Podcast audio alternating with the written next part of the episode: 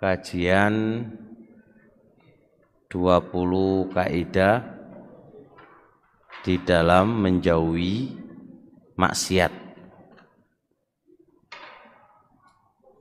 Saya sering ingatkan kepada anak pribadi dan kepada antum semuanya kajian ini, tema ini penting banget. Saya katakan penting banget. Karena tujuan kita sama. Yaitu mencari surganya Allah. Tidak ada yang paling tidak ada paling istimewa dari tujuan kita kecuali hanya meraih surganya Allah Subhanahu wa taala surganya Allah hanya diraih dengan dua cara. Cara pertama menjalankan perintah-perintah Allah. Cara kedua menjauhi larangan-larangannya Allah. Tema tema kita ini kepada poin kedua menjauhi larangan-larangan Allah. Kalau kita hanya menjalankan perintah saja tanpa menjauhi larangan, nggak bisa masuk ke dalam surga. Mau nggak mau, kita harus menjauhi larangan-larangan Allah.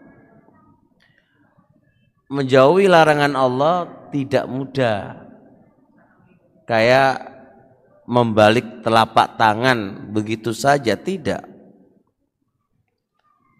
Sesuatu yang sulit kita bisa lakukan.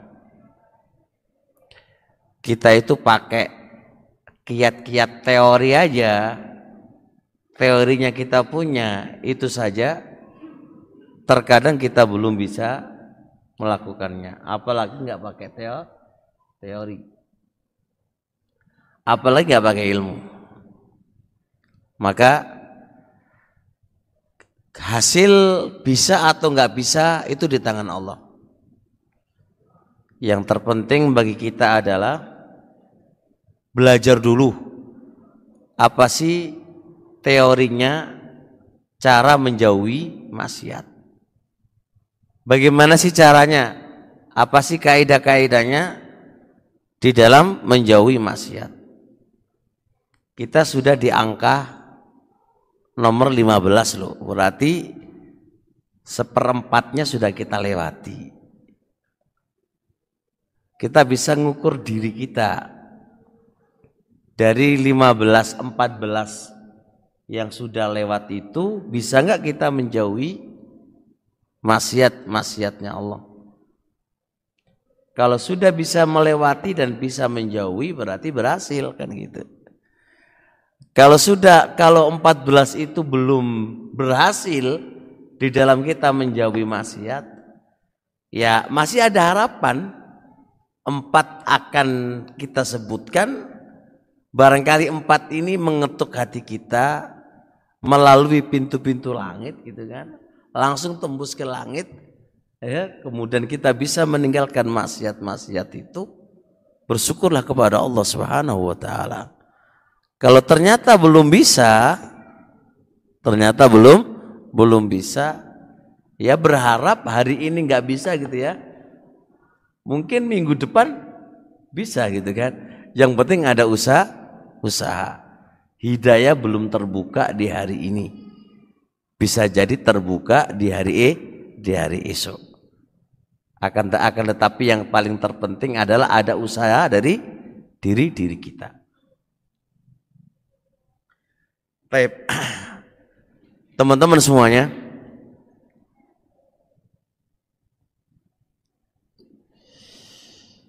Kaidah yang ke-15 dari kaidah-kaidah menjauhi maksiat adalah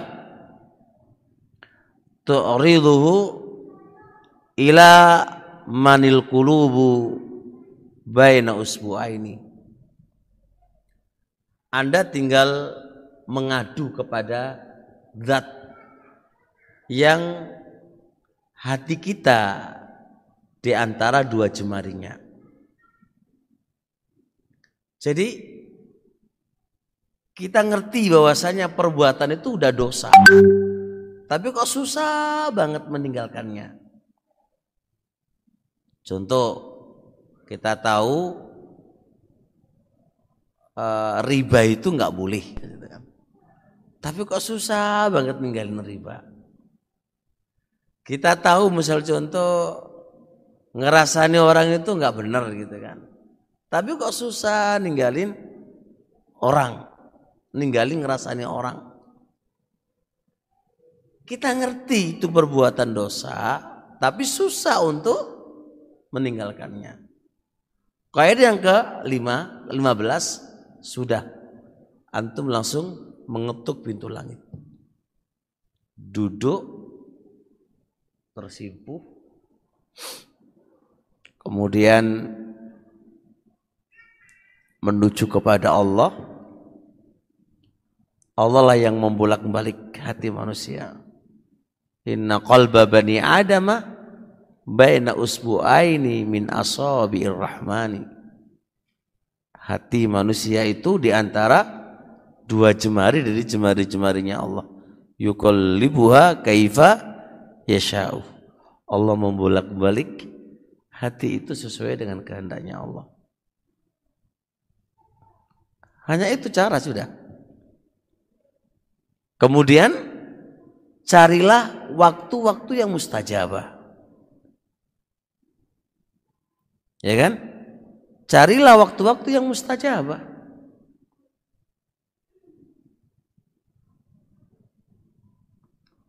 Dan ingat, di dalam berdoa dan mencari waktu-waktu mustajabah, jangan dipahami sehari, dua hari, tiga hari, lalu selesai. Tidak mungkin, Pak. Terkadang butuh butuh waktu, butuh proses.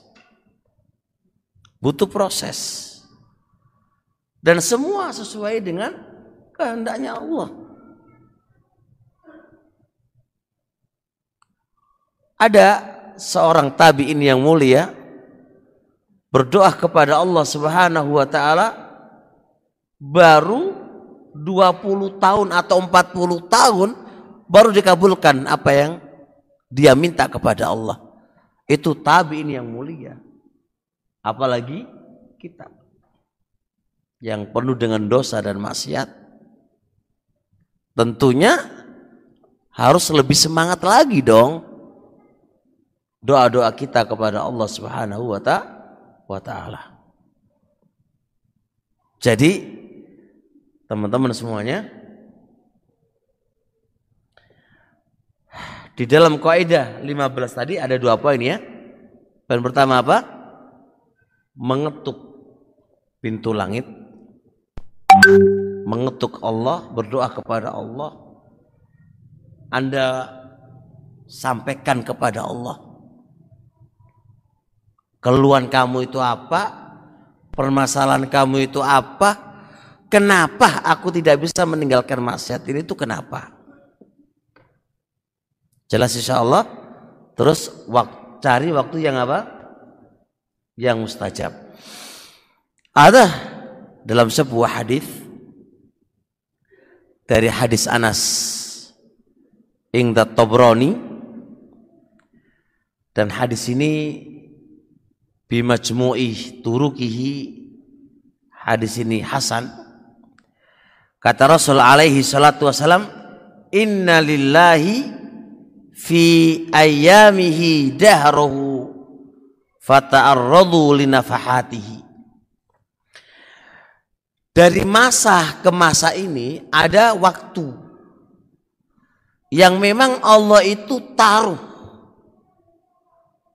jadi ada dari masa yang panjang masa yang panjang ini Allah itu taruh waktu waktu yang memang untuk hamba. 20 kaidah tadi hampir-hampir tidak akan tertolak doanya. Wa ta'ala. Nah,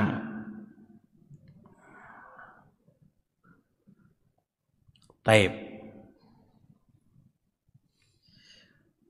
Kaidah yang ke-16.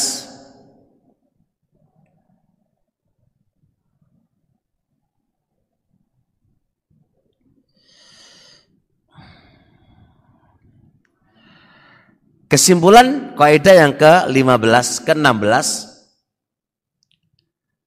perlu difahami dalam diri hamba, dalam diri hamba itu ada dua jadib penarik. Yang satu narik ke surga, yang satu narik ke neraka. Paham gak? Dalam diri kita, dalam diri manusia, semuanya diri manusia. Ada dua jadib, dua penarik. Satu menarik ke surga. Satu menarik ke mana? Ke neraka. Ya kita kayak gini, pas. Ini malam ahad contohnya. Tinggal tinggal ini Pak, tinggal.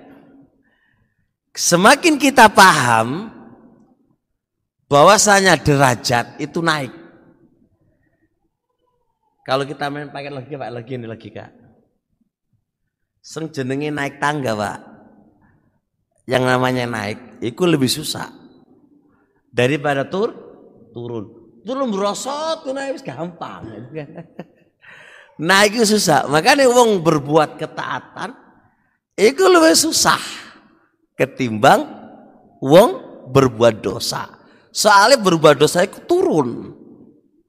Menisor. Menisor gak usah gujekan nyelorot tuh naik wis iso, Pak. Nah kata menek. Dan secara akal dan uruf manusia orang naik pohon itu lebih susah daripada turun turunnya.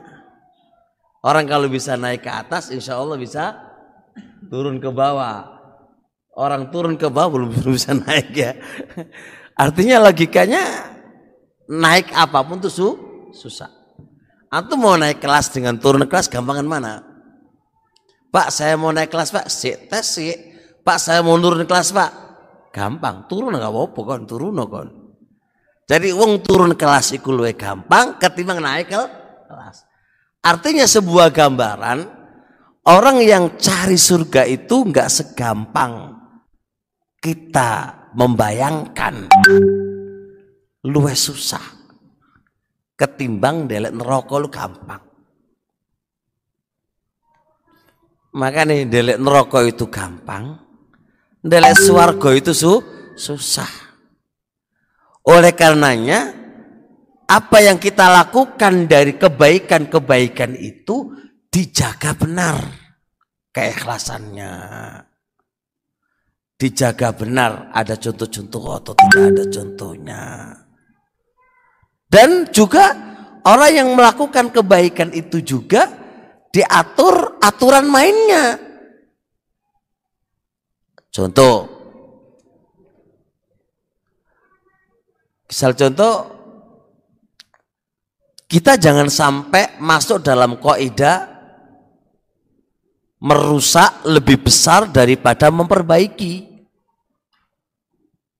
Contoh kayak berdakwah. Contoh tadi saya kayak dakwai orang kampung-kampung tadi Pak, orang kampung-kampung. Saya sengaja dakwai sama orang-orang kampung yang belum ngerti apa-apa, saya perpendek nggak ada dalilnya. Tapi saya memakai logika, analogikanya. Karena itu yang bisa masuk ke mereka. Dan saya terangkannya, saya nggak bahas ting tingkat tinggi. Jadi itu perbuatan baik, tapi harus melalui aturan main. Nggak ngawur. Kita jangan sampai dikategorikan lebih lebih mengarah merusak daripada mengarah memperbaiki. Dari jamaah yang yang baru awal tadi, atau bisa lihat bagaimana pakaian mereka, bagaimana sholat mereka masih butuh banyak dibenahi. Tapi hadirnya mereka ke majelis ilmu itu sudah sudah apa? Sudah, sudah sebuah kebaikan besar. Nah, ketika itu kemudian antum langsung hantam, Pak, ini orang oleh Pak, Pak, ini orang oleh Pak. Lah antum lebih menghancurkan dia daripada memperbaiki. Nah ini kan gak, gak teori, ini kan berarti kan Anda cara berbuat baik Anda yang itu susah. Mendawai orang itu orang gampang, susah. Tapi tidak melalui aturan mainnya justru malah dikatakan lebih besar mengarah kepada merusaknya daripada memperbaikinya. Harus ada teori mainnya. Gitu loh. Jadi kita ngasih ke bapak-bapak itu sepenting masuk di akalnya dan mereka nyaman dan sen senang. Itu udah cukup permainan awal. Maksudnya dakwah awal. Nah kalau orang ngerti aturan mainnya langsung pak jebrek jebrek Pak haram nggak boleh Pak wala wala wala ya habis semuanya. Ini jenenge tidak pakai teori, tidak pakai aturan main yang diajarkan oleh para para ulama-ulama kita. Orang-orang itu kalau Allah, kalau Rasulullah, apa itu kalau Rasulullah? Gak bisa masuk, gak bisa masuk pak mereka pak. Jadi semua butuh aturan main. Sudah susah pak, mencari kebaikan itu susah. Maka harus ada aturan main mainnya. Taib. Sekarang dari dua penarik ini yang kita kalau ini mau kita ditorak tarik ini mau ini kan kita ini selalu ditarik dengan dua penarik. Keadaan kita kita mau ke mana ini? Ini ditarik dengan dua penarik ini. Nah, tinggal kita ikut yang mana? Kita jelaskan fal mar'u ma'a man ahabba.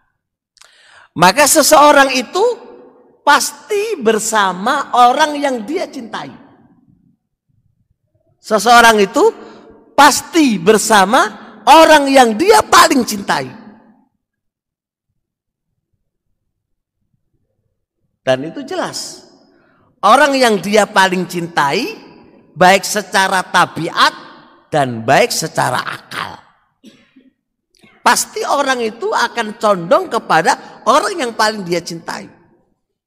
Nah, di dalam tubuh kita ini cinta kepada apa dulu? Kalau cintanya kepada surga, berarti insya Allah akan lebih mengarah ke surga karena cintanya kita kepada surga. Kalau cintanya kita kepada neraka berarti lebih dominan ke arah neraka. Sekarang kita nanya nih. Kita diseret antara ilmu sama jalan-jalan. Maka akan ada titik benang merah titik ini, titik ini, titik Titik ini apa ini? Kalau cintanya itu ke ilmu, maka keinginan atau penarik untuk jalan-jalan bisa terhandle. Enggak. Karena aku suka ilmu. Maka insya Allah larinya ke, ke ilmu. Kan gitu kan. Kalau sukanya tadi jalan-jalan, maka Allah ngaji menimana kena Tak jalan-jalan dulu kan gitu pak. Nah sudah tahu titiknya kan? Dua penarik tadi, dua penarik tadi itu titiknya di mana? Di perkara yang anda sukai dan anda cintai. Di manakah dia?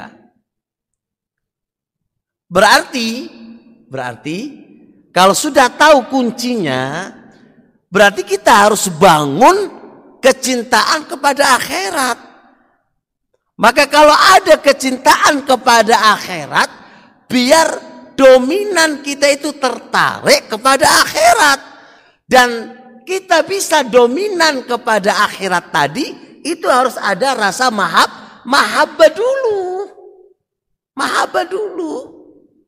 Sekarang di depan Anda dua dunia sama akhirat, Pak.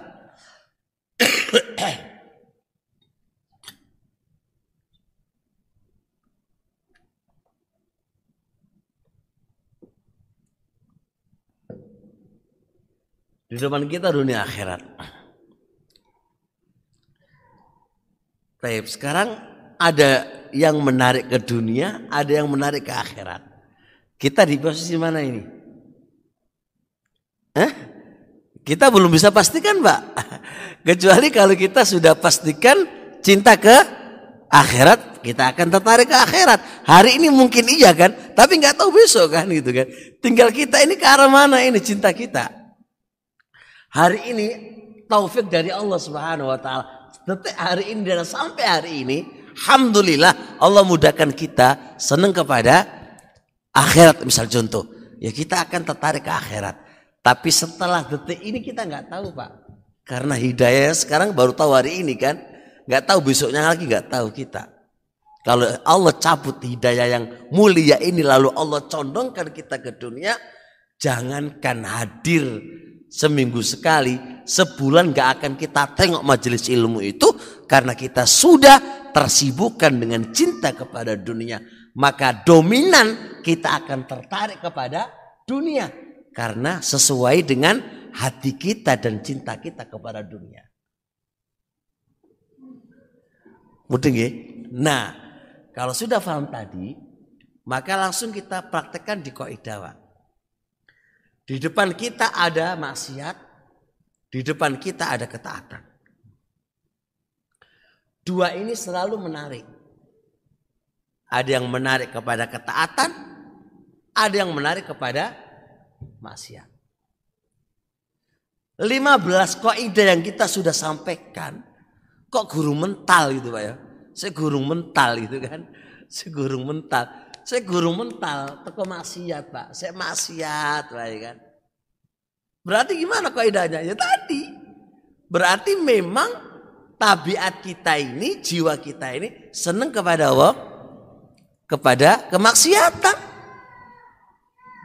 Karena senang kepada kemaksiatan berarti yang menarik kubu kemaksiatan ini lebih dominan. Ya pasti menang. Maka nih wong mbak dikon ngaji sampai elek. Oh no ya alasane. Ya jawabannya ketemu lah. Anak pribadi semakin saya belajar koaid. Ini kan semua kan koidah koidah ini. Yang kita pelajari ini kan koidah koidahnya. Semakin ketemu permasalahan orang gitu kan. Semakin ketemu permasalahannya orang. Kalau dengan kaidah kan ketemu loh. Antum menarik sampai elek. Dalilono sampai sampai elek ya susah oh, namanya. Dia masih cinta ke arah situnya kan gitu loh. Jadi kita harus membuat gimana caranya dia nggak senang dengan apa? Nah gitu loh. nggak senang dengan maksiat itu. Makanya tadi saya ceramah sama jamaah tadi. Saya ngasih argumentasi begini. Saya bilang, Pak, tinggalkan penyanyi. Saya nggak datangkan dalil, Pak penyanyi hukumnya haram atau enggak. Saya kasih logika aja. Penyanyi-penyanyi itu kira-kira ngekei sampean mangan apa ora? Enggak, tuh. Apakah penyanyi-penyanyi itu ngilingi sampean mengingat sampean ketika dia sakit? Enggak. Kan itu masukkan logika. Yang ingat, yang mengingat, yang yang yang ngasih makan kita siapa? Yang menenangkan hidup kita siapa? Kan Allah. Berarti siapa yang pantas diingat? Nah gitu loh Pak. Itu kan logika. Berarti kita harus kita harus mentahkan dulu kejelekan maksiat itu apa ke dia dan pengaruhnya apa dan apa jenenge e, madhurutnya itu apa maka setelah dia pahami dengan dengan cerdas ya dengan itu oh iya ya Berarti maksiat itu ngini Nah, itu baru bisa. Baru bisa, Pak. Artinya kita alihkan ya logikanya itu, mindsetnya itu bahwasanya maksiat itu perkara jelek gitu loh. Dan itu akan memadorotkan kepada dirinya. Kita pahamkan ini dulu sehingga paling tidak dia nggak seneng dengan maksiat ini nah gitu. Ketika nggak seneng dengan maksiat ini maka apa? Penarik kepada ketaatan itu lebih dominan nantinya. Nggak usah gitu aja pak. Sekarang ada dua orang antara Pak Rohmat sama siapa ibu? Sama saya, Sokotam sama aku Iris. Sekarang Abu Muhammad ini Pak. Saya tarik, kemudian ditarik sama Rahmat. Saya dengan Rahmat ini dua orang yang saling gelutan. Gak, gak pernah ketemu. Aku ini musuhan sama Rahmat. Yes. Aku narik sama Abu Muhammad. Abu Muhammad jadi tarik karo pertanyaannya yang dipilih oleh Abu Muhammad siapa? Jawabannya adalah orang yang paling dia cintai. Ya berah? Iya. Gimana caranya saya bisa membuat Abu Muhammad cinta kepadaku? Biar dia tertarik denganku. Kan ngono toh? Eh, iya toh. Kalau kan gitu. Nah gimana caranya kalau antum pingin memisahkan aku dengan Abu Muhammad berarti caranya bi bikin Abu Muhammad tuh nggak seneng karo a karo aku ngono tuh kalau dia nggak seneng karo aku insya Allah nggak bakal mau Hah? mau apa? Deket denganku dan nggak bakal bisa menerima apa yang saya ajak. Kan gitu. Bicara nih dia nggak seneng karo aku. Kan ngono pak. Politik kan ngono politik kan. Politik politik kan ngono iku mau. Nah, kalau dia masih suka sama aku dan lebih suka sama aku, ya wis pasti ngikutin ah, aku ketimbang rahmat. Podo karo maksiat, karo ketaatan. Si hamba itu lebih suka kemaksiatnya daripada ketaatannya. Sampai aja, sampai ayo ngaji gak, mendingan ngopi. Lu bayangan Pak, ngopi itu ngetokno duit, orang ono manfaati. Itu itu logika saya. Logika yang ya Allah kayak hidayah gitu kan, masih ke arah akhirat gitu kan. Kalau kita berlogika, itu logikanya Anda gitu kan. Mendingan ngaji oleh ono keuntungan keuntungan pahala daripada ngopi. Oleh apa ngopi? Itulah bagi Anda. Bagi yang suka ngopi, yo enak ngopi daripada gitu loh Pak. Jadi jadi arahnya ke mana? Arahnya tabiatiku mau cinta kepada apakah dia itu loh. Itu yang dominan mempengaruhi dirinya. Dominan mempengaruhi dirinya. Kalau tabiatnya cinta kejelekan, ya wes itu yang mempengaruhi dirinya. Maka dirinya itu akan berbuat kepada kejelekan sesuai dengan pengaruh yang mempengaruhinya. Betul nggak orang ya? Insya Allah. Jadi kaidah ini apa maksudnya? Gimana kaidahnya ini? Nah, kalau sudah begini kaidahnya, cara meninggalkan maksiat itu Berarti harus dibikin kita itu nggak senang dengan maksiat. Jadi keburukan maksiat itu harus kita kita wah kita jebol gitu loh. Keburukan maksiat itu kita jebol. Kita harus kupas. Dan kita harus yakin dan pahami maksud orang orang manfaatnya justru membahayakan kita. Ini dulu dipahami pak. Baru mau diajak, mau apa itu mudah. Kalau ini belum tumbang, masih belum tembus, nggak bakal bisa tem tembus. Wes, mudeng lagi.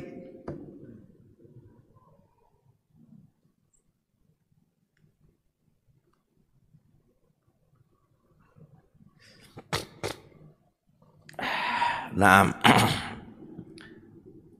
Sekarang saya ki zaman biyen cara zaman saiki lah. Saiki zaman sekarang antum larang gak oleh nggawa HP.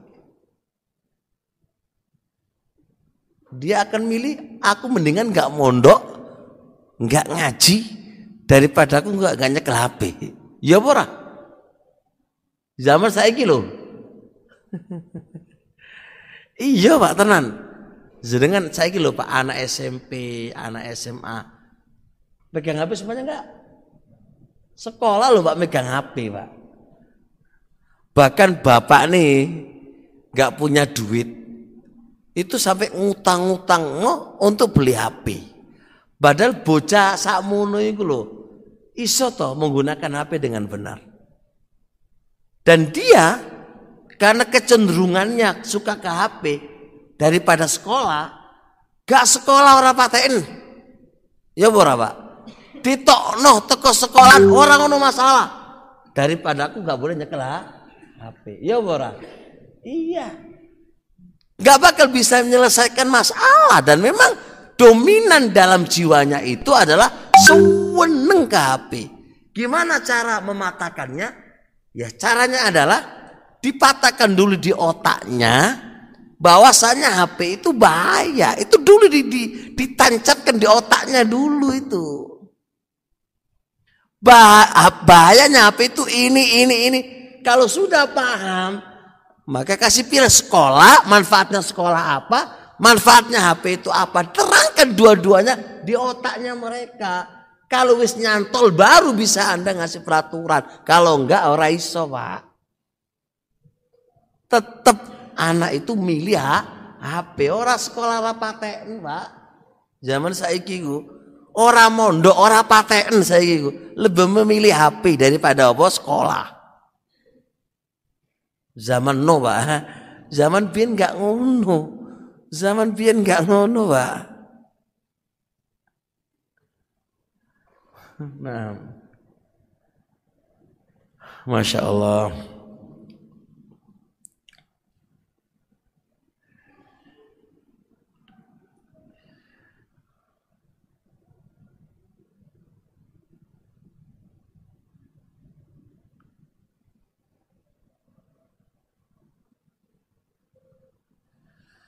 Terus kaidah selanjutnya kaidah ke berapa sekarang? Kaidah ke 17 ya. Kaidah ke 17 masih kurang berapa? Tiga.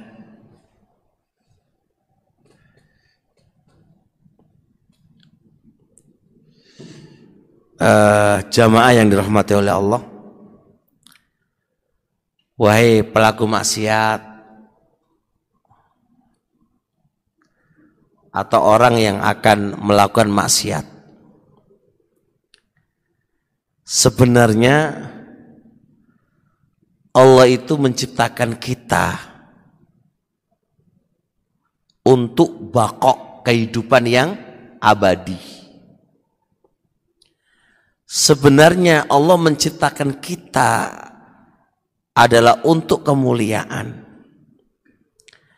Sebenarnya Allah menciptakan kita adalah untuk kenikmatan. Itu asal. Dipahami dulu. Jadi Allah menciptakan kita ini sebenarnya adalah untuk kenikmatan. Supaya kita nikmat. Allah menciptakan kita ini sebenarnya supaya kita itu mulia. Allah menciptakan kita ini supaya kita itu hidup di tempat yang kekal, yaitu surganya Allah. Itu asalnya, Pak. Akan tetapi, ketika Allah menciptakan poin-poin tadi, Allah nggak begitu. Langsung Allah lepas begitu saja tidak. Allah uji dulu. Siapa yang lulus dalam ujian maka berarti sesuai dengan rencananya Allah. Kalau dia tidak sesuai dengan ujian nggak lulus dalam ujian, berarti kita akan dapat sebaliknya. Maksud daripada kaidah itu apa? Wahai manusia, apa pun yang terjadi dalam diri kita, baik ujian dan cobaan yang menimpa kepada kita, ojo sampai maksiat. Karena itu adalah ujian sementara. Paham itu? Ujian atau ujian sementara. Ketika kita sabar sementara akan berujung kepada kebahagiaan. Gitu loh. Sekarang anak contohkan, bagi yang tidak punya uang, misal contoh, fakir lah. Itu ujian dalam meraih kebahagiaan. Bersabarlah. Gak perlu korupsi, gak perlu mencuri, gak perlu kita melakukan ini semuanya gak perlu. Bersabar. Karena ini sebuah ujian untuk meraih sebuah kesuksesan. Bagi yang diuji oleh Allah Subhanahu wa taala, tergila dia dengan wanita cantik. Sabar, sabar. Dari wanita cantik itu sabar. Karena sudah sudah dipersiapkan untukmu wanita yang paling cantik di surga nanti. Udah disiapin ke oleh Allah kok. Jadi mungkin tergoda apa sih? Gitu loh. Sekarang kita menjadi orang miskin sedunia, ya kan? Di dunia, orang yang paling miskin di dunia. Itu ujian. Ujian. Dan Allah sudah siapin semuanya, Pak. Apa yang Anda inginkan di surga nanti.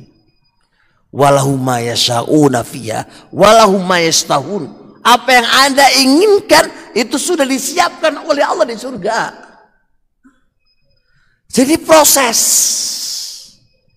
Proses Pak, proses ujian. Karena Allah nggak mungkin menyiapkan sesuatu yang paling mulia dengan tanpa ujian itu nggak mungkin. Nggak mungkin terjadi. Semua butuh proses dan ujian. Untuk bisa membedakan orang ini kayak gimana sih gitu kan. Karena dengan ujian itulah kelihatan orang itu memang baik atau nggak baik itu setelah proses ujian. Orang ini pinter apa pinter kan setelah proses uji ujian. Jadi sabarlah wahai teman-teman semuanya. Dengan apa yang menimpa kepada kita dan diri kita itu hanya sementara aja. Proses menuju sebuah kesuksesan, kenikmatan yang abadi yang sudah disiapin oleh Allah Subhanahu wa taala. Mafhum nggak ini? Ini ini ini kaidah yang harus pakai logika ini gitu loh. Memang kalau udah ngaji ini nguras kaidah gitu, ya. nguras nguras pikiran. Otaknya harus harus benar-benar fokus gitu loh, Pak. Jelas ya? Baik. Kita salat dulu insya Allah.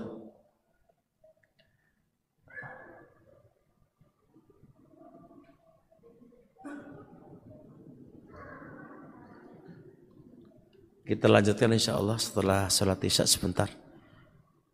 Semoga Allah mudahkan. Subhanakallah ma'amlik. Asyadu ala ila anta astaghfirullah wa atubu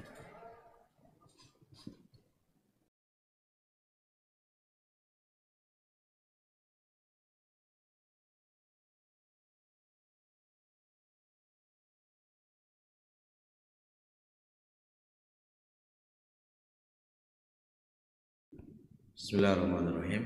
Alhamdulillah wassalatu wassalamu ala Rasulillah wa ala alihi wa sahbihi wa mawala amma ba'd.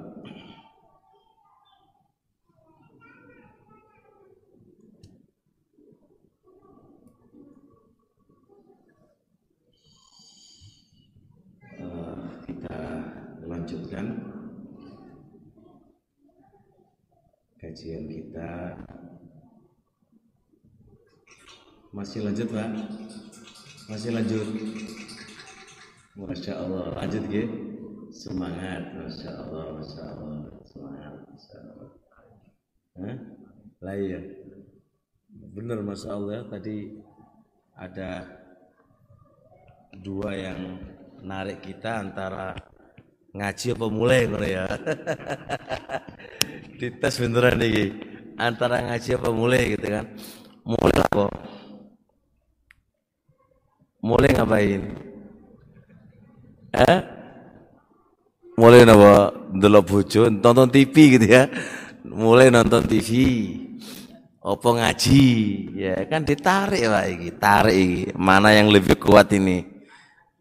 Ngaji mawon enggak, Masya Allah wis sekalian angsal pahala akeh wis. Nggih insyaallah. Semoga sebab keberkahan lancar rezeki ini adalah dengan cara nga, ngaji. Gak usah khawatir. Wong ngaji ku bakal susah rezeki ini malah gampang rezeki ini. Ada dua, ada hadis ing Dabi Daud Ada dua orang di masa Nabi alaihi salatu wasalam.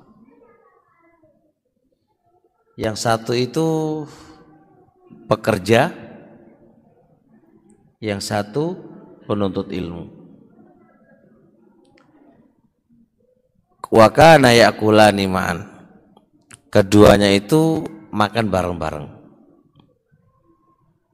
Keduanya itu makan bareng-bareng. Yang satu fokus cari ilmu, yang satu fokus bekerja.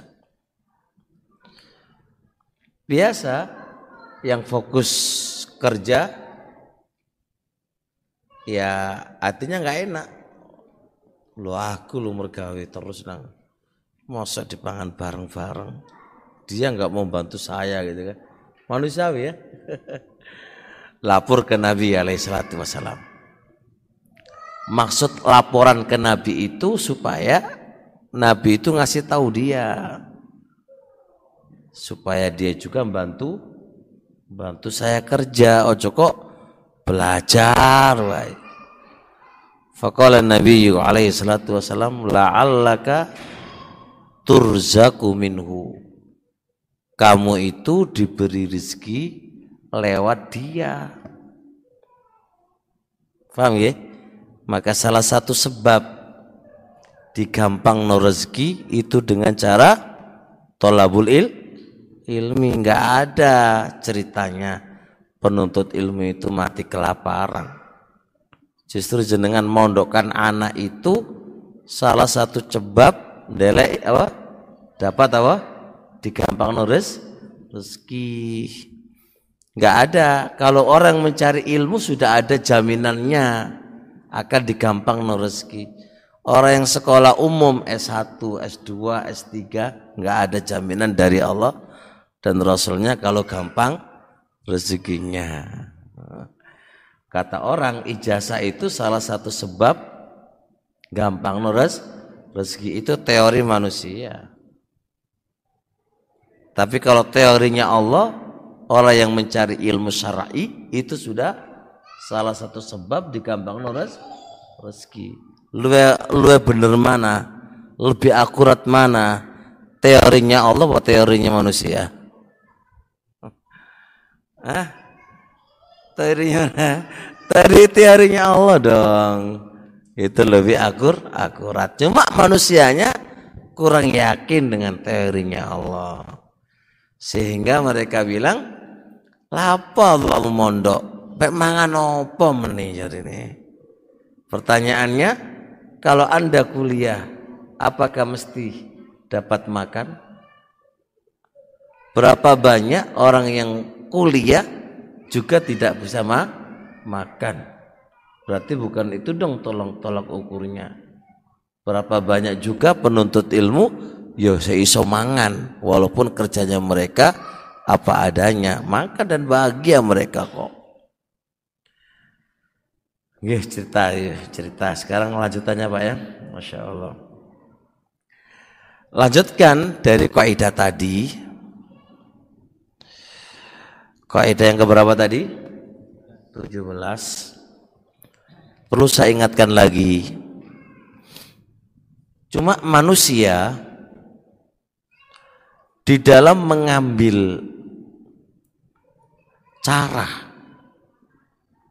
itu tidak sesuai dengan aturannya Allah. Mereka cari kebahagiaan tapi nggak sesuai dengan aturannya Allah. Mereka cari kenikmatan tapi nggak nggak sesuai dengan aturannya Allah. Makanya kenikmatan yang berujung kepada kehinaan. Itu Pak. Contoh. Berapa banyak orang itu pingin wanita. Tapi cara mendapatkan wanita caranya nggak benar. Maka berujung dari kenikmatan sementara berujung kehancuran. Berapa banyak orang pingin kejayaan tapi cara mainnya tidak sesuai dengan aturannya Allah maka berujung kepada kehancuran maka teman-teman semuanya nikmat yang abadi itu adalah falillahil izzatu wali rasulihi walil mu'minin. Izzah itu ada di, di sisi Allah. Maka kemuliaan kenikmatan kelezatan letaknya di sisi Allah. Maka apa saja yang kita tempuh untuk meraih kenikmatan yang abadi sebenarnya itu adalah kenikmatan. Cuma kita merasakan itu adalah bukan kenikmatan gitu ya. paham ya? Sebenarnya itu kenikmatan. Semua jalan mencari ridhonya Allah semua jalan untuk meraih kenikmatannya Allah sebenarnya itu adalah kenikmatan. Walaupun orang yang menjalaninya itu merasakan sebuah kemelaratan. Tapi wallahi sejatinya itu adalah kenikmatan. Kok bisa kenikmatan? Contoh. Dalam sebuah kasus dunia Anda lagi berganti, lagi lagi terburuk. Yang dulu Anda di atas, kemudian Anda terendah dalam ekonomi Anda. Tapi terendahnya ekonomi Anda, tetap Anda dalam ketaatan kepada Allah. Maka Orang bilang yang dulu semua serba ada dan makanan pun enak. Anda memakannya, setelah itu Anda hanya makan tempe. Itu pun kalau ada, kalau nggak ada pun nasi sama kerupuk. Orang bilang Anda melarat banget gitu kan. Sebenarnya enggak. Enggak. Justru Anda berada dalam kenikmatan dalam rangka menjaga agamanya Anda. Anda tidak pernah dikorupsi, nggak mencuri, nggak apa, tapi Anda pertahankan apa yang terjadi pada diri Anda dalam rangka untuk meraih kenikmatan sejati yaitu kenikmatan surga. Sebenarnya itu kenikmatan. Sebetulnya kenikmatan. Tapi orang bilang, eh melarat banget kamu ya gitu kan. Itu kenikmatan sebenarnya. Oleh karenanya Bapak Ibu yang terhormat Allah Subhanahu wa taala, ayo dari kaidah yang ke 17 tadi kita meraih kenikmatan sejati. Meraih surganya Allah apa yang kita butuhkan wis disiapno Allah di surga nanti. Tinggal ini dar, ini negeri, ini negeri-negeri ujian. Ini negeri-negeri cobaan. Dan itu sebentar kok dibandingkan dengan apa? Negeri akhirat. Kenikmatan negeri akhirat itu fana, itu adalah abadi. Dan ujian yang Allah berikan kepada kita di dunia itu hanya sementara. Dan itu pun tidak selalu berbentuk ujian. Ya kan? Coba hitung antara sakit dengan sehatnya kita. Sakitnya berapa dan sehatnya berapa? Antara makan dan kita nggak makan. Nggak makannya berapa hari dan makannya itu berapa hari. Kalau kita hitung, itu lebih sedikit daripada kenikmatan yang Allah berikan kepada kita ketika di dunia. Apalagi udah akhirat kan. Berarti intinya sebentar banget dan sedikit banget. Ayo kita bersabar. Ayo kita bersabar. Untuk meraih kenikmatan itu. Jangan sampai maksiat kepada Allah subhanahu wa ta'ala. Maksiat yo oleh piro gitu kan. Ah, terus nikmati ya sepiro gitu kan. Gak ada kenikmatannya. Baik. Kaidah yang ke 18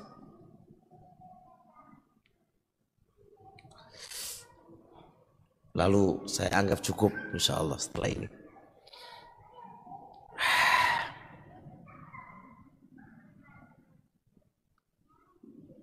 Bapak Ibu yang dirahmati oleh Allah. Perlu saya ingatkan lagi, di dalam diri kita ini ada dua kubu. Kubu yang pertama hawa nafsu. Kubu yang kedua adalah agama kita. Masuk dalam tubuh kita, Pak. Ini selalu perang. Selalu perang. Selalu perang. Bayangkan. Perang terus ini. Kayak sekarang jenengan ini metu po terus metu po terus perang nggak ini? Banget metu sungkan ustad gitu. Gak metu koyo pingin metu gitu kan ini perang. Antara metu apa metu iki? Abu Muhammad kuat sekarang ya. Dulu muta metu aja kira-kira menang sekarang ya. Jadi kalau dipikir-pikir ini, ini ini logikanya ini. Kalau kita sabar setengah jam lagi dapat keutamaan yang besar daripada mulai mulai lo oleh opo gitu kan. Paling yang ngono kuai kan gitu kan. Iso di iso iso di iso di apa? Iso ditunda itu loh. Tapi terkadang kita kan nggak nggak begitu. Wes pokoknya pengen metu gitu kan. Paham Pak? Jadi ini ada nafsu, ada agama. Ini tengkar terus. Nafsu kita ayo nang mulih. Cepet namangan, lesu, ketemu bujuk, ketemu anak. Agama nyuruh, ojo, ojo, kurang saiti keutamaan nih, ayo ngaji. Wis, tengkar tuh situ. Baik, kaidah yang ke-18 adalah apa? Agama yang kita miliki ini dan akal yang kita miliki ini harus mengalahkan nafsu itu caranya alat tadrij berangsur-angsur.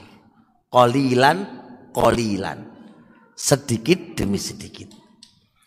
Kalau kita bisa mengalahkan langsung jebret alhamdulillah gitu ya.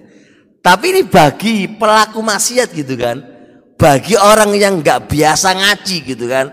Bagi orang yang selalu di atas kesenangan nggak bisa pak. Langsung jebet nggak bisa.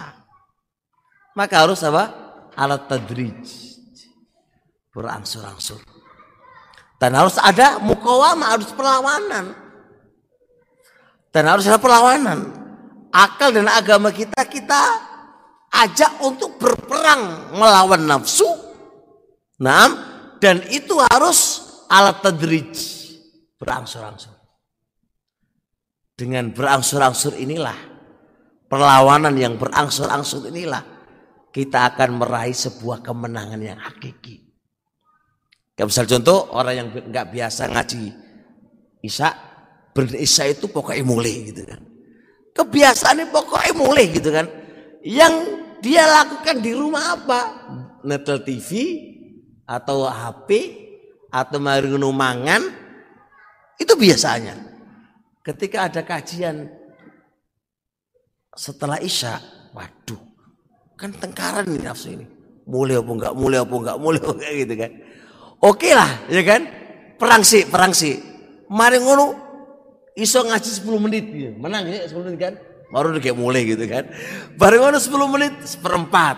Dan sampai dia menang. Begitu Pak Artadrij.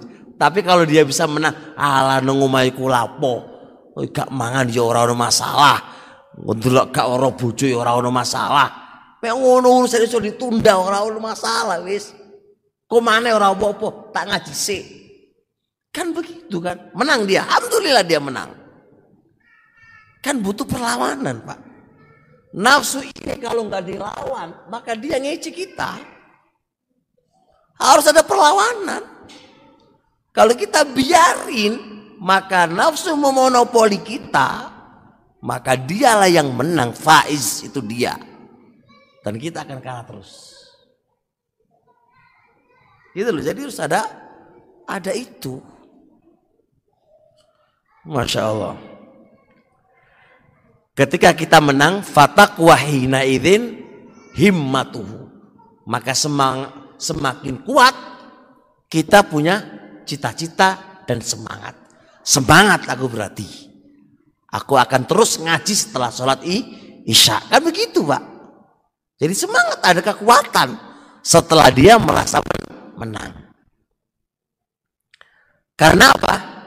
Di dalam kaidah siapa yang merasakan kelezatan maka dia akan semakin kuat semangatnya karena dia sudah merasakan apa kele kelezatan maka akan semakin kuat di dalam meraih meraihnya dan dia akan terus begitu seterusnya sampai sampai dalam kasus anak Coba anak, jenengan pikir anak itu.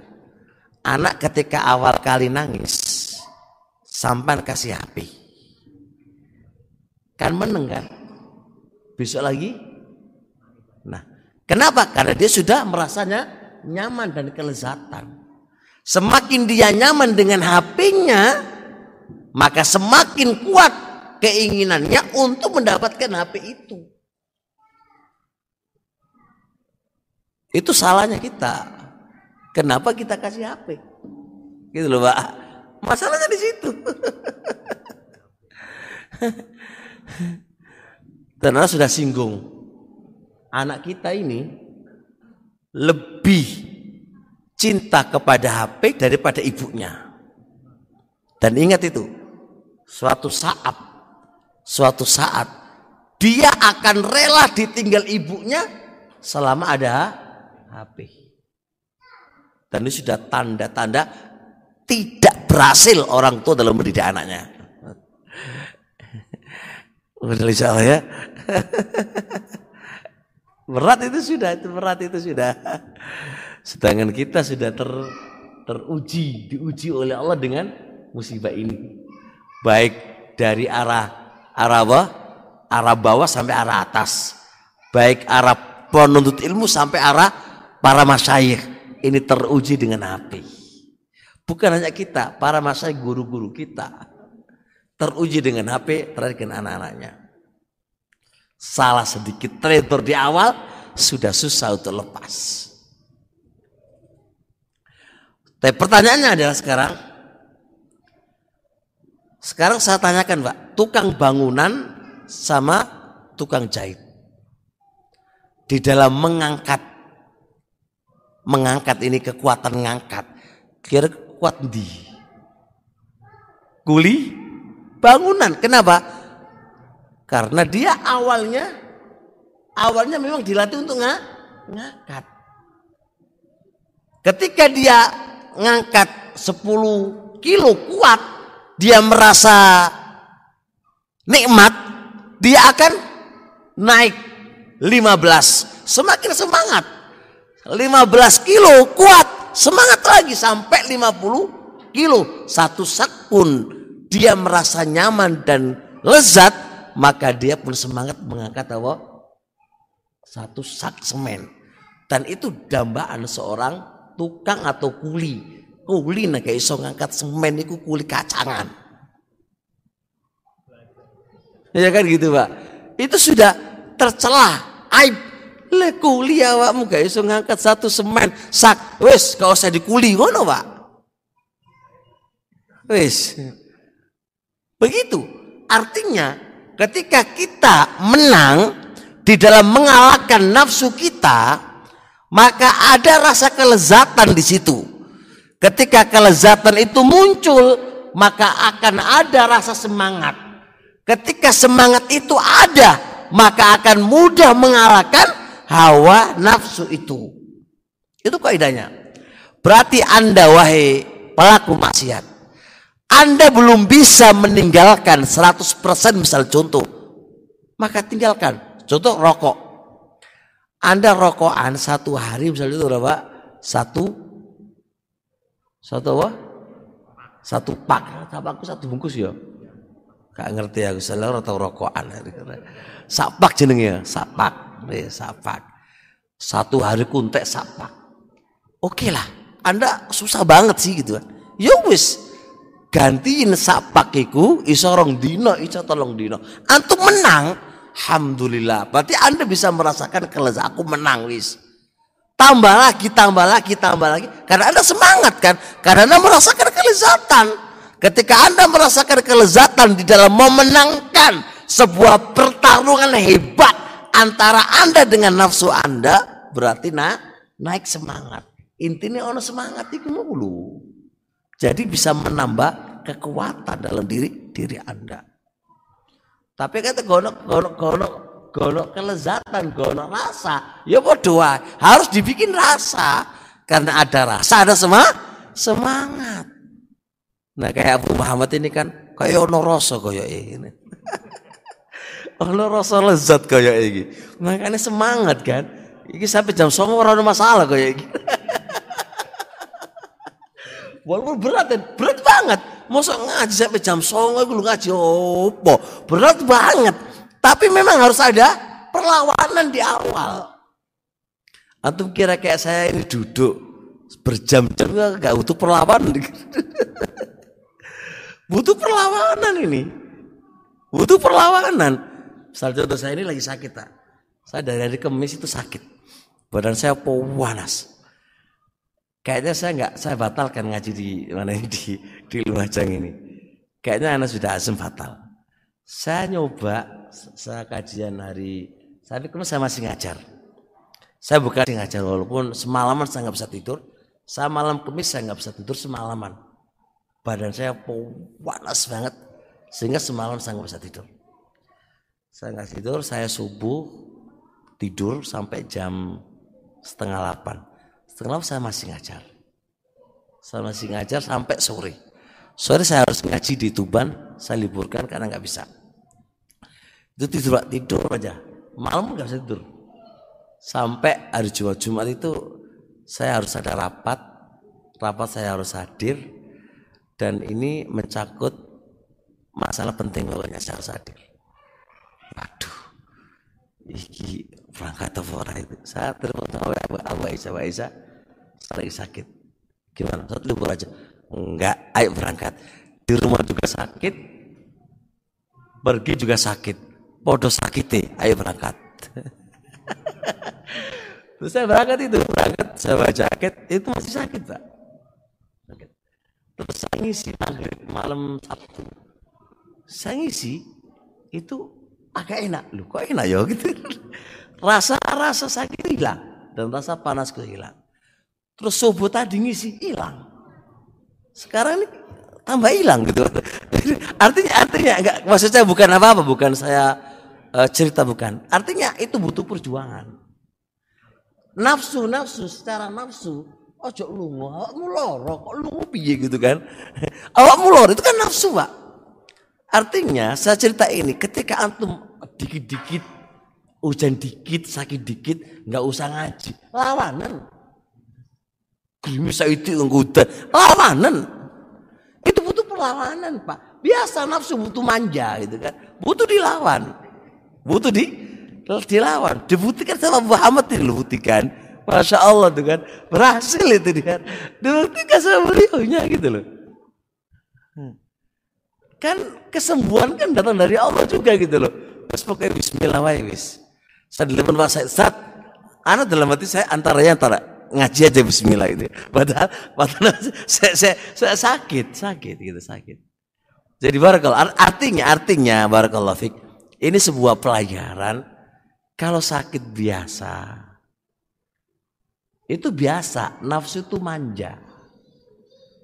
Pakailah untuk terlabul ilmu. Kalau waktunya belajar, waktunya belajar, waktunya di majelis ilmu, hadir. Nikmat ini kalau sudah hilang baru kita nyesel. Pahala yang berlipat-lipat ini ketika hilang kita baru nyesel. Ya laitani, duhai. Kenapa dulu saya tidak memperbanyak amalan di majelis ilmu? Kata wis neng kuburan iku lho ora ono. Kita lho Bapak orang di duit. Perjuangan apa yang kita bisa lakukan untuk dakwah ini apa? Duit nggak duit, tenaga ya orang duit. Tenaga apa yang kita sudah berikan ke Islam itu apa coba? Ayo kita berpikir. Dakwah ini, Pak, dakwah ini itu darah dan semua tenaga Nabi dan para sahabatnya itu sudah curahkan sehingga terwujudlah agama ini sampai ke kita. Sampai ke kita pun apa yang kita sudah korbankan untuk dakwah ini itu apa? Maka cara terbaiknya untuk apa, untuk menjaga dakwah ini kita ngaji. Kita kita ngaji. Artinya kita tahu agama ini dengan benar secara dalil lalu kita bisa ngamalkan dalam kehidupan kita itu sudah paling terbaik apa yang kita lakukan dakwah ini. Karena kita nggak punya apa-apa pak. Duit nggak punya. Nyumbang nggak untuk dakwah? Lu kutus gak bisa nyumbang kita apa-apa ini. Lah tenaga malah duit. Duit rasa nyumbang, tenaga rasa nyumbang. Penyumbang apa dalam dakwah ini itu apa? Kalau enggak kita menghidupkan sunnahnya Nabi dengan cara kita telabul ilmi. Mau apa lagi kita? Ini aja kita nggak bisa punya andil dalam hal ini. Terus apa yang kita sudah perjuangkan untuk apa? Gitu. Cuma mikir kita coba ayo. Saya tidak mikir ini Pak, pakai logika saya ini. Apa yang kau sumbangkan?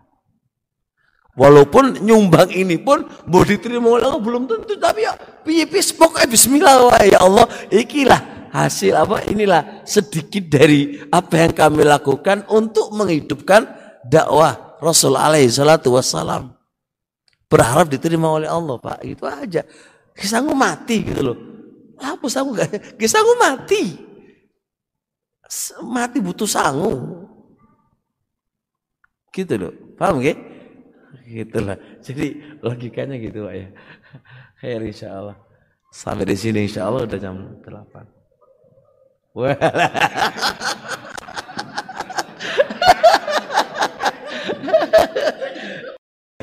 Jangan aku kok cepetan aja kok cepetan jare ini padahal iki setengkar terus iki setengkar terus iki insyaallah insyaallah insyaallah Delok ae sesuk kan. Delok ae sesuk. Insyaallah delok. Besok subuh begitu. Ngaji apa ora iki? Teng ini tengkaran terus iki. Piye iki? Insyaallah. Subhanakallah bihamdik. Asyhadu an la ilaha illa anta astaghfiruka wa atubu ilaik. Assalamualaikum warahmatullahi wabarakatuh.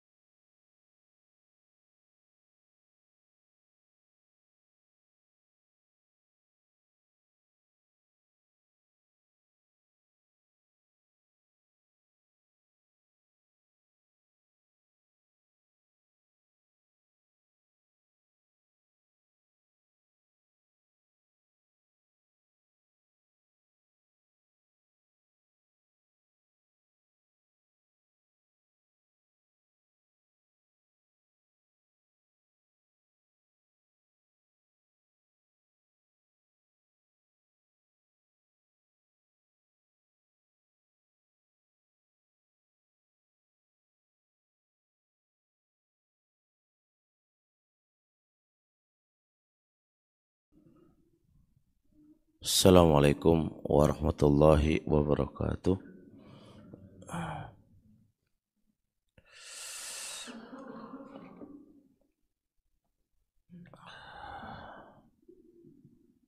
Innal hamdalillah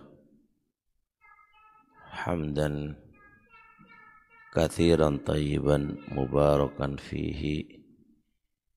Kama yuhibbu rabbuna wa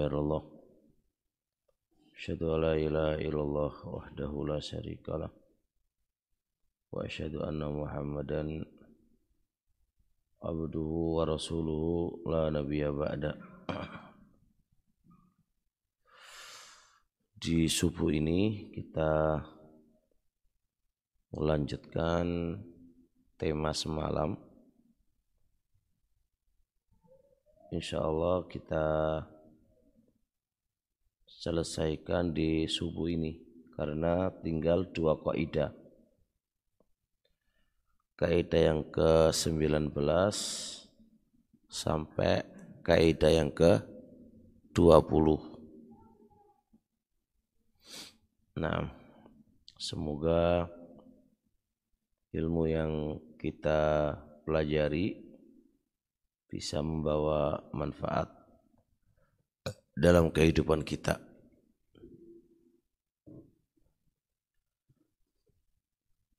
Kita lanjutkan kaidah yang ke-19.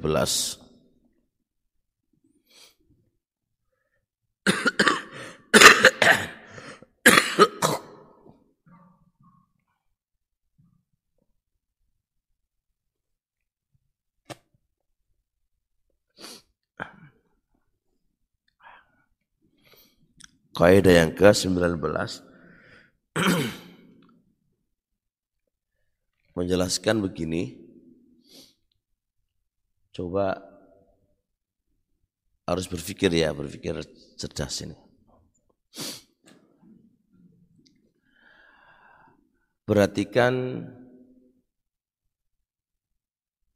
dengan hasil tanaman. Saya, saya dicontohkan oleh penulis ini ada tanaman hujan. Hujan ge, hujan rahmat. Itu akan membawa hasil kepada tanaman. Itu kalau ada dua hal penting. Atau kita, kita katakan tiga hal penting. Yang pertama adalah nyiapkan, nyiapkan dulu tempat. Air hujan itu akan memiliki fungsi kalau memang sudah disiapin tempatnya. Sekarang hujan yang turun ini Pak, kalau nggak disiapin tempat ya kayak di depan masjid itu, samping masjid ya nggak memiliki fungsi. Ya hujan lewat gitu aja. Karena nggak disiapin tempatnya dulu. Jelas ya? Sudah disiapin tempatnya.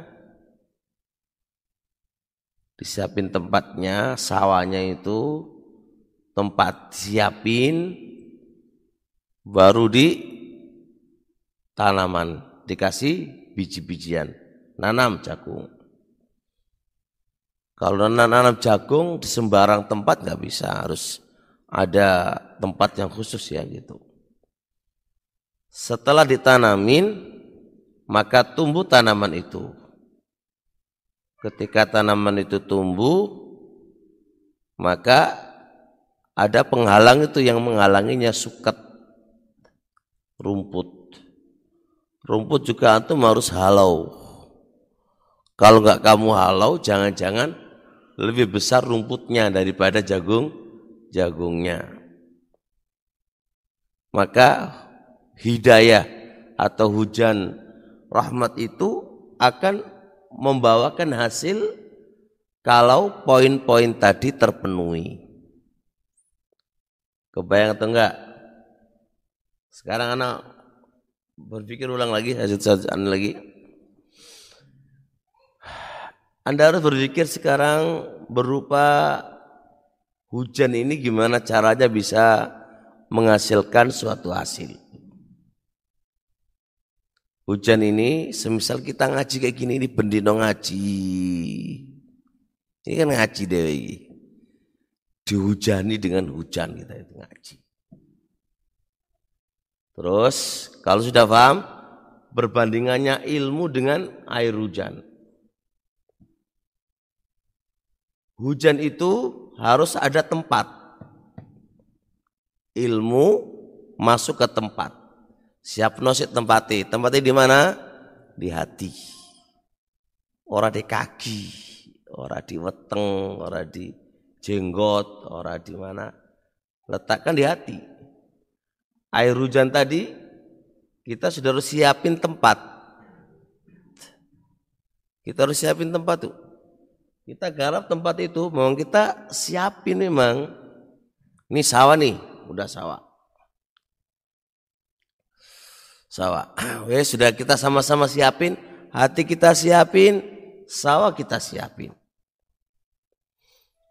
Kemudian di sawah kita baru nandur, nanam. Kita udah siapin hati ini, kita baca buku ke majelis ilmu. Ya kan? Iki namanya menanam, menandur. Wes. Maka karena kita nandur, tumbuhlah. Tumbuh. Maka ketika kita nanam, tumbuh. Nanam jagung, tumbuh jagungnya. Nanam di dalam hati ilmu tentang kebaikan atau apa, tumbuh. Tumbuh. Setelah itu, di, tengah-tengah pertumbuhan tumbuhan tanaman tadi dia tidak akan lepas begitu aja untuk tumbuh besar. Untuk tumbuh besar sampai dipanen rintangan dan cobaan itu ada saja itu. Hama ada suket-suket rumput-rumput, ada apa aja lah yang bisa memperlambat di dalam kehidupan biji-biji atau tumbuhan tak tadi. Ya bang enggak? Kebayang enggak ini? Kebayang enggak? Nah begitu pula iman yang kita tanam dengan taklim-taklim tadi itu maka enggak bisa tumbuh dan berbuah begitu aja tumbuhnya ilmu diamalkan tumbuhnya ilmu semakin taat kepada Allah. Nggak bisa. Nggak bisa begitu aja. Maka masalah fitnah terus menghantam kepada jiwa kita sehingga kita itu maksiat kepada Allah Subhanahu wa taala. Pertanyaan sekarang adalah Berarti kan ketika hama itu datang dan suket-suketnya itu pun datang, lalu hujan pun turun. Pertanyaannya, sebelum hujan itu turun dan supaya memberikan efek yang baik kepada tanaman tadi, tentunya Anda sudah siapin tuh rumputnya dibuangin semuanya Hama-hamanya antum bersihin. Antum kasih pupuk. Maka ketika hujan tumbuh jebret, hujan turun jebret, Masya Allah kelihatan beberapa hari aja tumbuhan itu semakin tinggi hasilnya kelihatan.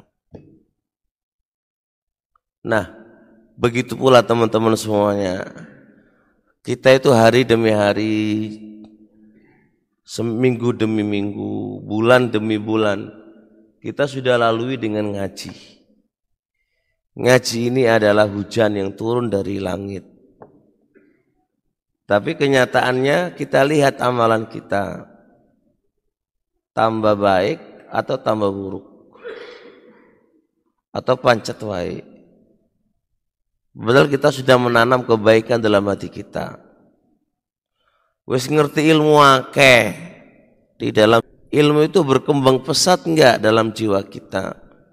Berupa amalan kita baik ucapan kita itu baik ketaatan kita itu banyak atau me pawan cetai ataukah malah ber malah turun? Sedangkan ngaji kita semakin banyak. Ini kenapa kajian-kajian ini tidak berfungsi? Tadi masalahnya penghambat-penghambat perkembangan bibit yang telah kita tanam di dalam hati kita itu nggak bisa berkembang dikarenakan apa? Nih, maksiat nih. Ini maksiat nih, Pak. Penyakit-penyakit ini loh yang menjadikan tidak bisa berkembang ini ya. Dan ini kaidah ini masya Allah luar biasa, memberikan gambaran gambaran jelas di hati benak kita bahwasanya banyak orang itu ngaji tapi podo podo karo tanaman disirami ama hujan tapi tanaman itu nggak bisa berkembang nggak bisa berkembang Gimana bisa berkembang? Mungkin yang berkembang justru malah apa? Suketnya. Bukan tanamannya. Mungkin dengan kajian-kajian yang kita jalani ini bukan berkembang ilmunya, tapi penyakitnya yang malah berkembang. Tutu ilmunya yang tambah takut sama Allah. Tapi sing malah berkembang itu apa? Elai. Justru malah elai yang berkembang. Makanya ini ngaji kok tambah welek nang wong iki Tambah mata-mata wong. Wong ngaji kan tambah wedi nang Allah. Kok tadi rupane kok ngene wis piye? Wong ngaji kan harusnya menentramkan jiwanya orang, malah bikin resah orang. Wong ngaji itu kan harusnya wong itu kayak wis dilihat pun menyenangkan bukan dilihat itu menyeramkan Oh ngaji itu kan harusnya kan ngono ya kawan. Nah ini ngaji kok tambah ini sepiki. Berarti kan ada masalah ini kan. Ini kan ada masalah berarti. Makanya sekarang dari gambaran tadi maka ketahuilah wahai pelaku maksiat. Maksiat yang anda lakukan itu justru itulah penghambat perkembangan iman yang kamu telah tanam. Wahai pelaku maksiat justru justru kamu yang menghambat keimanan kamu sendiri. Kamu yang tidak membuat berkembang imanmu sendiri. Dan kamulah yang justru mematikan iman yang telah kamu tanam sejak dini, mungkin sejak sejak kecil. Engkau sudah mengikrarkan rububiyahnya Allah, uluhiyahnya Allah. Itu sudah kamu padamkan dengan kemaksiatan kamu sendiri. Maka ber berpikirlah wahai pelaku maksiat Berpikirlah wahai pelaku maksiat terhadap diri kamu sendiri. Saya, saya, saya, saya katakan percuma dong kamu udah keluarin duit untuk nanam tanaman yang kau bisa memetik buah dari tanaman yang kamu tanam. Dan modalnya tidak hanya puluhan juta, ratusan juta Anda sudah keluarkan itu. Ya kan? Dan semua semua orang pasti mengecap kamu itu orang goblok. Loh sudah nanam tanaman, sudah tumbuh, kok malah dibiarin, ada rumput panjang pun dibiarin, ada hama pun dibiarin goblok banget kamu ini kan gitu. Tapi anehnya nggak goblok-goblokin dirinya juga ya gitu kan. Karena dirinya juga statusnya sama dengan orang tak orang tadi dalam bab keimanan dia kepada Allah Subhanahu wa taala. Maka sekarang ya mungkin manusia begini dia kalau urusan duit kan kelihatan ruginya kan karena dia sudah ngeluarin duit seratusan juta kalau iman iman hancur pun nggak ada masalah. La ilaha illallah. Justru kita nanam iman dalam hati kita ini itu nggak bisa dibeli dengan duit ya akhi. Iman yang nancap dalam hati kita ini di awal kali nanam itu menyiapkan hati untuk masukkan iman ini itu harganya mahal banget itu. Nggak bisa dibeli dengan duit. Justru yang rugi itu adalah kita. Karena kita sudah mengeluarkan sekian uang yang tidak ternilai untuk menanamkan iman di dalam hati kita. Terus iman itu kita hancurkan sendiri dengan maksiat dengan maksiatnya kita kepada Allah Subhanahu wa taala. Harusnya yang mahal kayak gini ini kita perjuangkan. Kita lihat sahabat Nabi ya, kita lihat sahabat Nabi. Kasus Romla bintu Abi Sufyan. Romla bintu Abi Sufyan yang dikenal dengan Ummu Habibah, istri Nabi alaihi salatu wassalam. Di awal dia masuk Islam, bagaimana penderitaan yang dia alami dikarenakan bapaknya sendiri itu adalah tokoh Quraisy. Dialah salah satu orang penghambat dakwahnya Rasulullah alaihi salatu wassalam. Dia orang yang ditokohkan, bayangkan. Terus lihat putrinya sendiri masuk Islam. Ya kan? Bagaimana pikirannya Rob, pikirannya Abu Sufyan hajur-hajur gitu kan. Maka dia pun mengeluarkan semua kemampuan dari uang, dari tenaga, dari waktu. Gimana caranya Romla ini keluar dari Islam? Bayangkan. Mereka-mereka itu mengeluarkan tidak sedikit duit untuk mencabut keimanan dari Romlah itu menunjukkan mahal banget yang namanya iman itu kepada Allah Subhanahu wa taala. Bukannya gampang, bukannya murah. Anda baru mengeluarkan 100 juta, bukan 10 juta aja dalam menanam tanaman itu, itu Anda goblok-goblokkan orang gitu kan. Tapi Anda tidak berpikir iman yang kau tanamkan itu lebih mahal. Setelah itu apa yang terjadi coba lihat. Begitu penderitaannya luar biasa, maka Islam Rasul mengirimkan atau mengizinkan untuk hijrah ke Habasyah sama suaminya. Ketika hijrah ke Habasyah, apa yang terjadi coba lihat. Diuji lagi oleh Allah dengan menjadi Nasrani suaminya Ubaidullah bin dengan masih membawa anak kecil yang namanya Habibah. Coba lihat dua pilihan yang dia harus pilih pahit-pahit semuanya itu.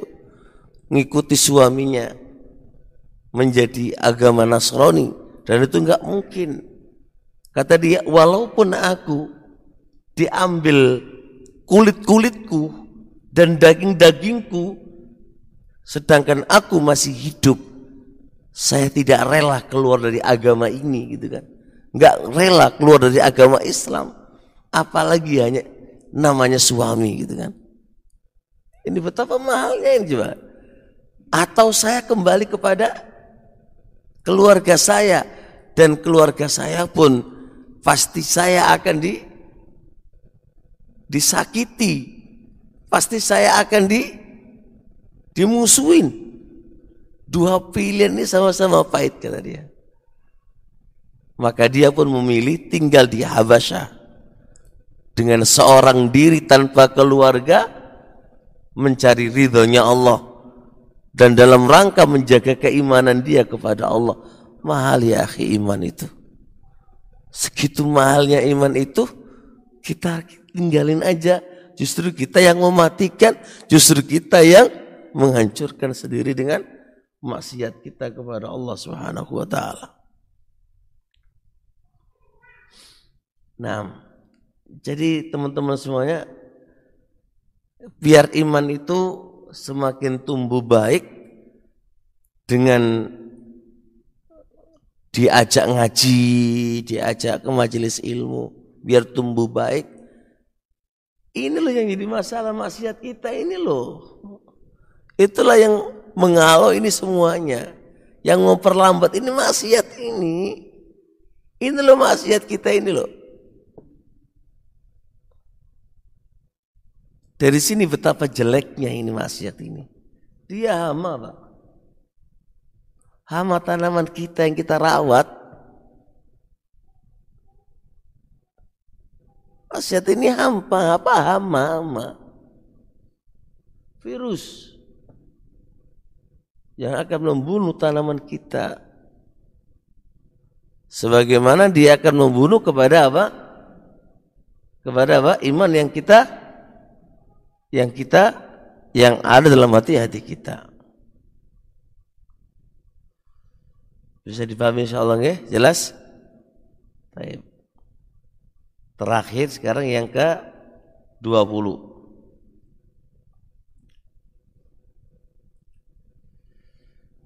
Ya, selesai juga nanya namanya angka. Dan angka itu pasti berjalan pasti akan selesai juga.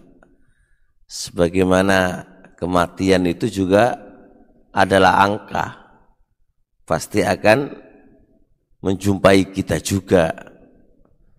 Yang sesuatu yang berjalan pasti akan menemui kita dan nyawa pun berjalan dari satu ke satu. Malaikat pun juga berjalan dari satu ke satu maka giliran kita ya pasti kita mati. Jadi angka juga begitu dari satu dua tiga empat dan itu berjalan pasti angka 20 pun kita lewati juga gitu kan. Cuma pertanyaannya 20 sudah selesai tinggal kitanya masihkah kita bermaksiat kepada Allah Subhanahu wa taala. Sudahkah kita taubat dari maksiat-maksiat yang kita lakukan? Ini kan pertanyaan yang harus kita kejar. Sudahkah kita amalkan ilmu-ilmu yang kita miliki? Sudahkah kita semakin bersimpuh di depan Allah? Menjadi abdinya Allah yang penuh dengan dosa dan maksiat. Dan mengharap dengan rintian-rintian yang kita berikan kepada Allah. Mengharap kasih sayangnya. Taib. Kaidah yang ke 20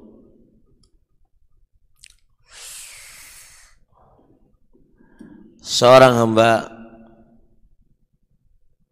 tidak boleh tertipu dengan sekedar mengilmui 19 kiat akan ada hasil. Faljawab tidak. Tidak, Pak. Mek sekedar ngerti tok itu enggak akan menghasilkan hasil. Dalam bidang apa saja yang namanya sekedar ngerti itu nggak akan bisa menghasilkan hasil. Tapi ada poin ke-20 setelah taufik dari Allah, setelah berdoa kepada Allah, setelah taufik dari dari Allah harus ada yang namanya badlul juhdi. mencurahkan semua kemampuannya untuk menempuh 1, 2, 3 sampai 19. Itu baru bisa berharap ada hasil. Kalau mek ngaji terus ditulis sek mending ya. Mek ngringekno nang kupingi koyo-koyo pas ngaji ku Masya Allah gitu kan. Pertemu tuh toko masjid ya mutu juga ilmu nih gitu kan. Ya kayak kayak ngene modele belajare kayak ngene modele pek piye iso berhasil untuk bisa meraih sebuah hasil nggak bisa nggak bisa pak Padha karo gampangan ini. Sampean pengen iso maca kitab gundul. Belajaran yang diwoco ya tepak nahwu karo sorob. Sampean bar belajar ngerti. Ngerti mubtada, ngerti khobar, ngerti ini, ini. Ini lumayan ngerti Pak Sian.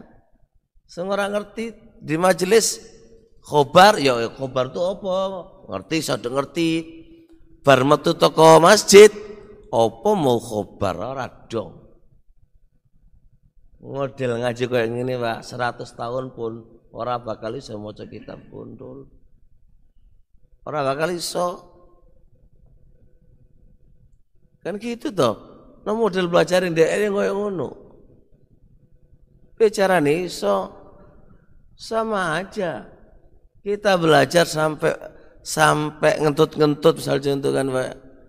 Tapi cara nih belajar bukan untuk bisa kita ngamalkan. Yo raiso. Gimana caranya bisa ngamalkan? Harus ada batul juhud. Harus ada dari diri kita semangat dengan mencurahkan seluruh kemampuannya untuk bisa mengamalkan ilmu yang diterima tadi itu baru ada hasil.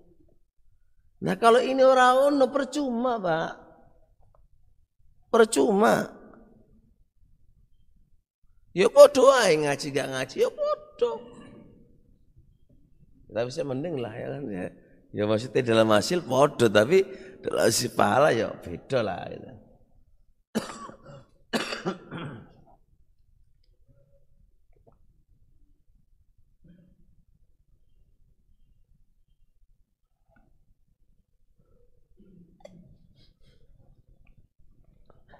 Jelas gini insya Allah. Paham nggak ini? Kajian kita selalu berpikir loh ya. Cara berpikir kita begitu. Tenang Ehan. Jadi saya katakan, ya percuma dong. Kalau dalam diri kita nggak ada usaha untuk ngamalkan. Dan usaha bukan lambe, harus ada badul juhud mencurahkan Pak, harus mencurahkan. Harus ada kemauan kuat. Harus ada perjuangan. Yang kita miliki itu apa? Itu dikeluarkan itu.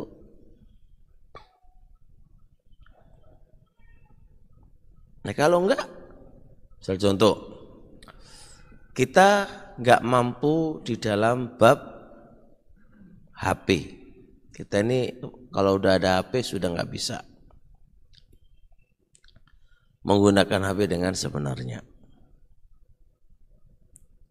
Terus ini saja nggak kamu lepas.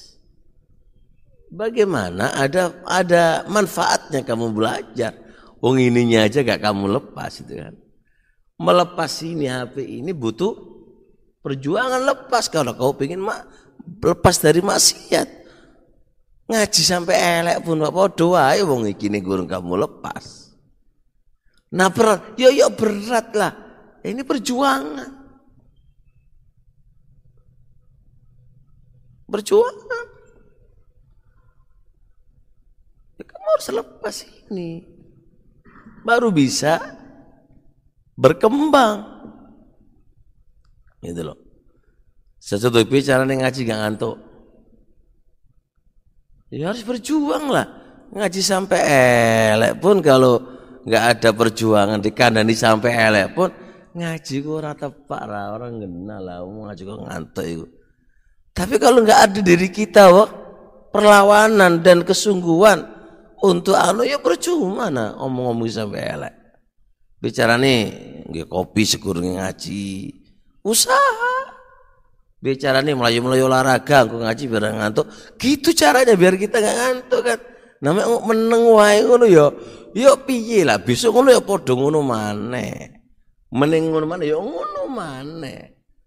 Lah pancen kan ngono modelnya kan.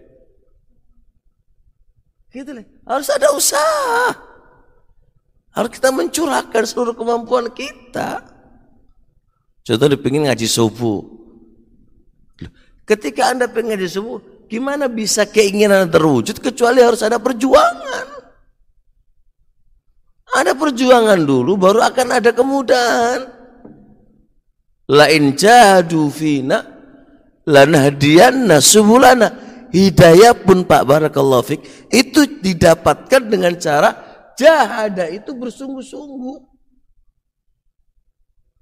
Kita ingin meninggalkan maksiat, nggak bisa sekedar ngerti teori ratusan teori pun, mek sekedar ngerti ratusan teori, tapi praktekin di nggak bisa mempraktekannya tanpa ada badl judi wastifrahul tokoh mencurahkan seluruh kemampuannya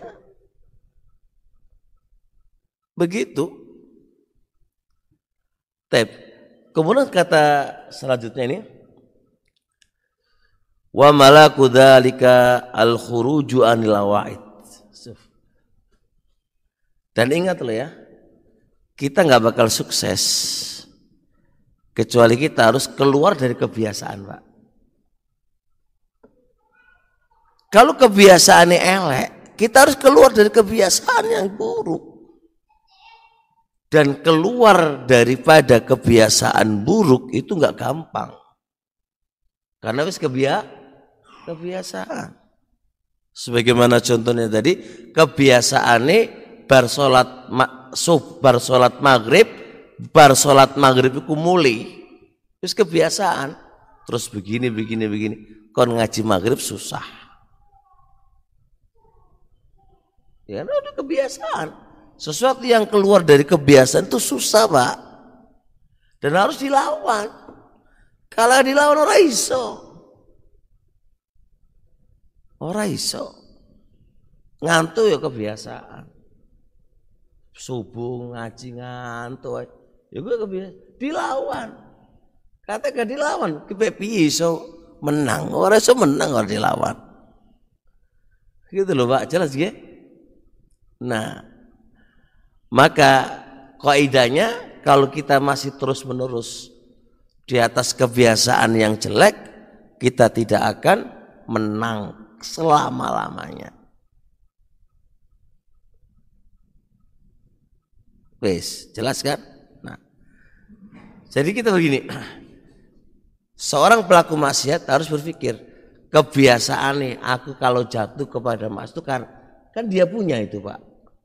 Punya kartunya. Kalau aku maksiat itu kalau berteman sama si A. Dan aku ketemu sama si A itu ngerasa nih, wong, woi. Wis, jauhi anda harus lari dari dia. Berat memang karena sudah terbiasa. Tapi ini demi kita supaya nggak ngerasa nih wong mau nggak mau harus kita lepas dan memang berat dan ini butuh perjuangan karena setiap kali saya kumpul sama A B saya dibahas tuh wong wae si A si B kayak A B kurang duwe kapian blas Demi apa lah itu salah wae diungkit wae dibahas. Wah, iya. itu kebiasaannya begitu. Anda tahu kalau ada kumpul sama kayak gini, harusnya begini, terjadi begini. Ya udah Anda harus pergi. Tinggalin dia. Dan ini berat kan? Berat karena udah kebiasaan. Tapi harus dilawan. Harus dilawan. Gitu, Pak. Jelas ya? Nah harus ada perlawanan itu. Kalau nggak ada perlawanan, ya nggak bisa. Nggak bisa. Baik ya. Selesailah kaidah ke-20. Kaidah 20 berarti apa tadi? Ada dua poin. Poin pertama tadi apa? Harus ada kema apa eh, eh, semangat usaha perjuangan. Ingatnya harus ada usaha perjuangan mencurahkan semua kemampuan yang dimiliki untuk meninggalkan maksiat. Mek sekedar ngerti teori ora dipraktekno dengan maksimal iku ya padha wae. Doai. Dan teori ini di semua semua bidang ilmu apa aja. Bidang ilmu apa aja, teorinya harus ada semangat, harus mencurahkan seluruh kemampuannya, waktu tenaganya untuk itu. Poin yang kedua, kebiasaan elek. Itu harus diperangi, harus keluar dari kebiasaan jelek.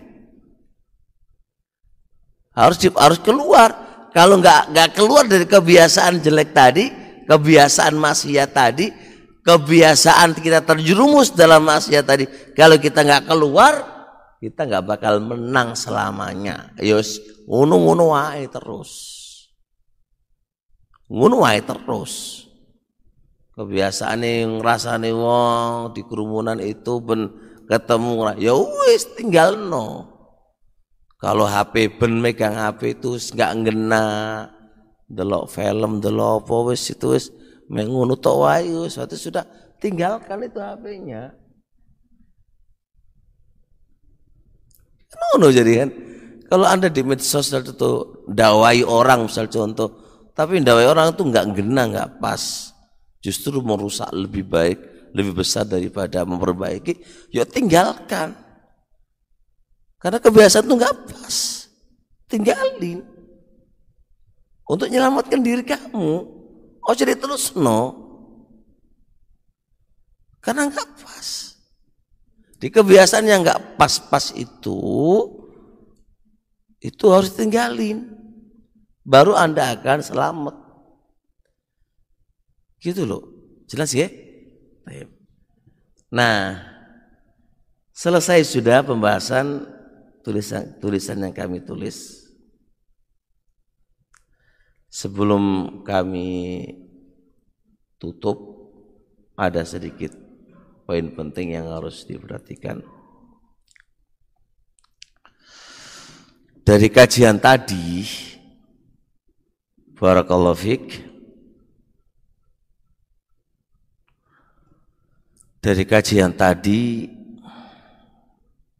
kita ambil pelajaran dari 1 sampai 20. Ada hal penting yang harus kita perhatikan dengan cermat. Kenapa sih kalau dosa sama Allah kita nggak malu? Tapi kalau kita punya salah di masyarakat itu kita malu. Apa yang dipandang masyarakat itu jelek lalu kita lakukan itu kita malu sama masyarakat. Tapi kalau perkara itu jelek di sisi Allah kita nggak malu melakukannya. Ini saya kasih contoh logika yang ini masuk ke kaidah, cuma coba kita berpikir secara cerdas begitu. Saya kasih contoh sekarang. Sebutkan sebuah amalan yang itu jelek di mata masyarakat. Apa kayak apa? Ayo di masyarakat jelek banget apa itu? Hah? Yang itu di masyarakat jelek banget apa itu pak? Nggak ketemu kayak gini? Di masyarakat? Hah? Apa? enggak lah anu khamr saya wis biasa ojo contohnya maksiat ojo sing iku di masyarakat telek dan itu itu dihukum maksiat hmm? Wes maksiat itu contohkan saya contohkan di masyarakat itu wis dosa no istilah enggak selain itu pokoknya disyariatku oleh tapi di masyarakat itu welek hmm? ya wis ya bener itu sih ane ya wis cocok itu poligami wis ya wis cocok iki saya iki wong masyarakat contohnya wong poligami ku wis welek pola. Pertanyaannya, Abu Muhammad iki niate kayak poligami. Ya. Dan itu di masyarakatnya elek banget. Pertanyaannya, kira-kira wani nggak melakukan poligami? Lah, enggak. Pelajaran penting ini, Cak. Lesi kita pakai lagi ini. Abu Muhammad gak bakal berani pak takut martabatnya rusak di sisi masyarakat dia tinggalin itu wali kami melayu-melayu pak sampai ke mana-mana yang penting masyarakat orang ngerti jadi dijaga pol oleh Abu Muhammad demi apa nggak ketahuan oleh masyarakat tapi giliran kita bermaksiat di depan Allah. Allah tahu di depannya. Ya kurang diusungkan dengan Allah. Gimana orang kayak gini, Pak? Sungkan ini menungso, neng Allah nggak sungkan, bayangkan. Harusnya kayak Abu Muhammad ini orang orang masalah. Lapa aku mendengar menungso kan ono kan? Sementing Allah tidak tidak murka dengan diriku kan ngono. Tapi dibalik sama Abu Muhammad. Sama Allah wani. Sama menungso ora. Nah itu piye coba. Ayo, ayo, ayo dipikir ngotak ayo. Dan rata-rata kita begitu teman-teman semuanya. Wedi takut kepada manusia ketika menyalahi apa yang menjadi aturan mereka. Tapi kita tidak pernah malu di depan Allah ketika kita menyalahi aturannya Allah. Ini kalau saya pikir Pak, jelek banget kita ya di depan Allah. Ini ini kalau kita mau dalami Allah ini kamu jadikan nomor berapa sih? Bahkan kamu sama mertua kamu lu takut. Karena poligami. Lah Abu Muhammad gak bakal berani di depan mertuanya. Mau disaduk mertuanya. Dia berpikir nanti kalau mertua aku takut, wah repot KB gitu coba lihat. Enggak berpikir Allah nggak ngerti tuh. Kalau kita maksiat kepadanya. Enggak takut sama murkanya Allah. Coba Pak. Saya semalam juga mikir gini ketika baca-baca ini. Muncul muncul pikiran ini tadi. Setelah saya tulis di buku. Memunculkan pikiran ini kadang-kadang nggak muncul juga. Kata muncul sendiri. Iya ya. Kita kok aku lagi mikir-mikir hatiku hatiku sendiri, Pak. Karena kita juga berkeluh kesah dalam berkeluh kesah perihal maksiat-maksiat kita kan gitu loh. Kok iso dewe kok ora sungkan dengan Allah kok malah sungkan dengan manusia.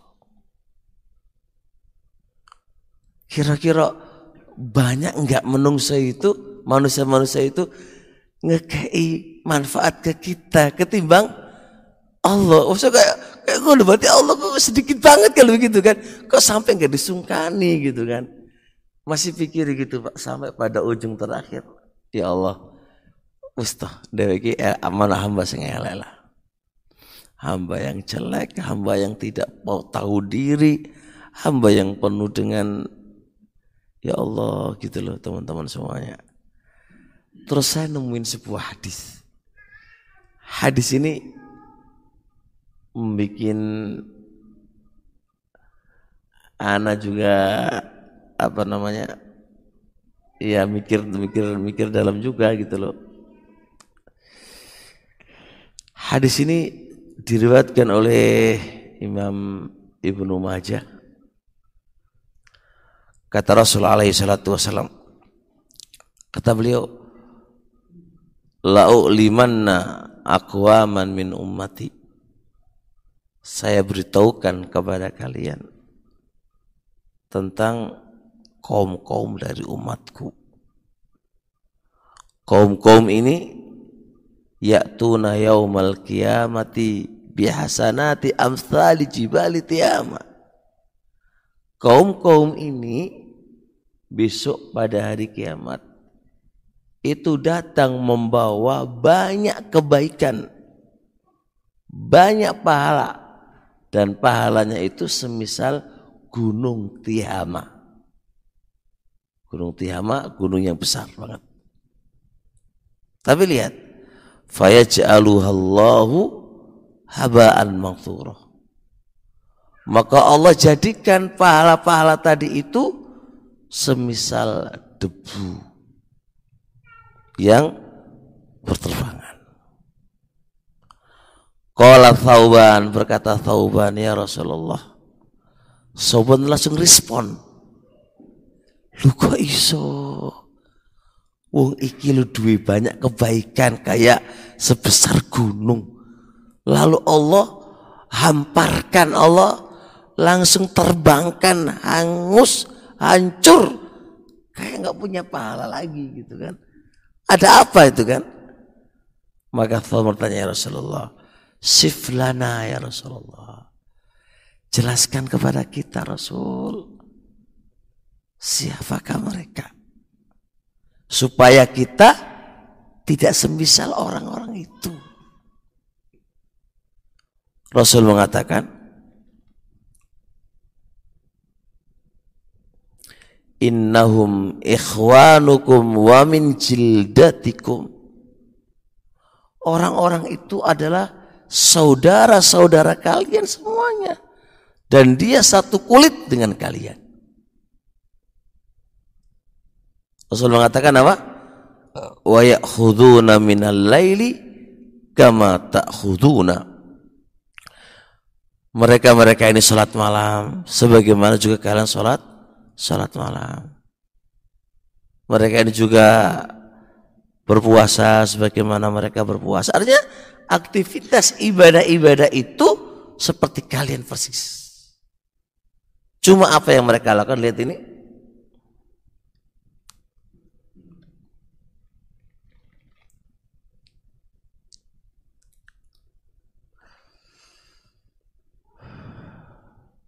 Taib. Cuma mereka melihat walakin idza khalau bi maharimillahi intahakuha. Cuma kalau mereka itu lagi sepi nggak ada orang mereka melakukan pelanggaran-pelanggaran pelanggaran-pelanggarannya Allah. Gitu loh masalahnya Pak. Jadi jadi mereka itu kalau waktunya sepi nggak ada orang, di situlah dia berbuat maksiat kepada Allah Subhanahu Wa Taala. Ini lo bisa menghancurkan semua amalan-amalan dia.